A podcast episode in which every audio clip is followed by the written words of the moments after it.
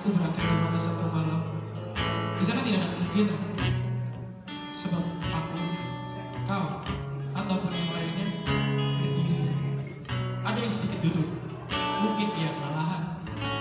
Waktu yang berjalan dengan cepat memaksa kita, aku, kau, ataupun orang lainnya yang bergerak begitu cepat di kota Jakarta, Bogor, Bekasi, atau lain-lainnya.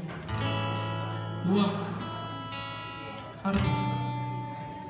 apalagi wanita, apalagi kekuasaan. Semua bermaju pada kita dan kita menginginkannya. Tapi apa itu makna kebahagiaan? Apa itu yang kau inginkan untuk bisa mengatakan kalau kau adalah manusia seperti saya atau kau manusia seperti manusia yang lainnya? Jadi sudahkah kita berhenti sejenak paling tidak untuk duduk atau bergeraklah lebih lambat tepuk orang yang di sebelahmu coba ceritakan apa yang kau alami hari ini.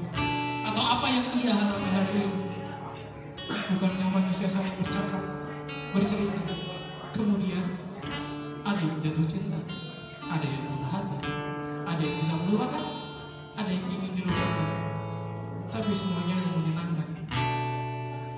Itu kan bukti kalau kita seorang manusia. Jadi untuk apa? Bergerak terlalu cepat duduk lebih sejenak senderkan bahu lepaskan di kepala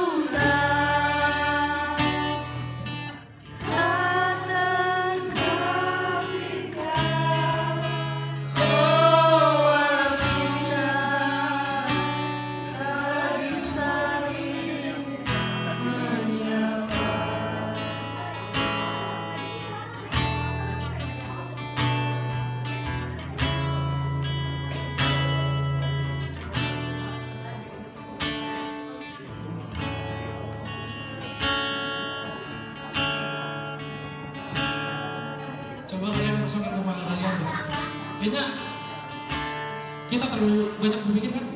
Kayak gak ada yang ngerehatin gitu gak ada yang bilang kalau ya berhenti menyenangkan tau eh eh coba duduk deh kita ceritain. Eh kita luapin apa yang kita ada. Puisi dibentuk-bentuk itu. Benar enggak juga. Ada yang jatuh cinta dengan puisi karena kata-katanya menarik ada yang jatuh cinta seperti puisi kayak ngebayangin wanita yang dia suka atau laki-laki yang dia suka atau masa depan dia nanti. Atau yang seperti saya menulis untuk kebahagiaan. Ataupun aku yang menulis untuk kebahagiaan. Ada yang suka menari seperti Bang Zai ada yang berjoget-joget dan suka galak ya karena ada yang kayak teman-teman saya yang lain yang hebat dan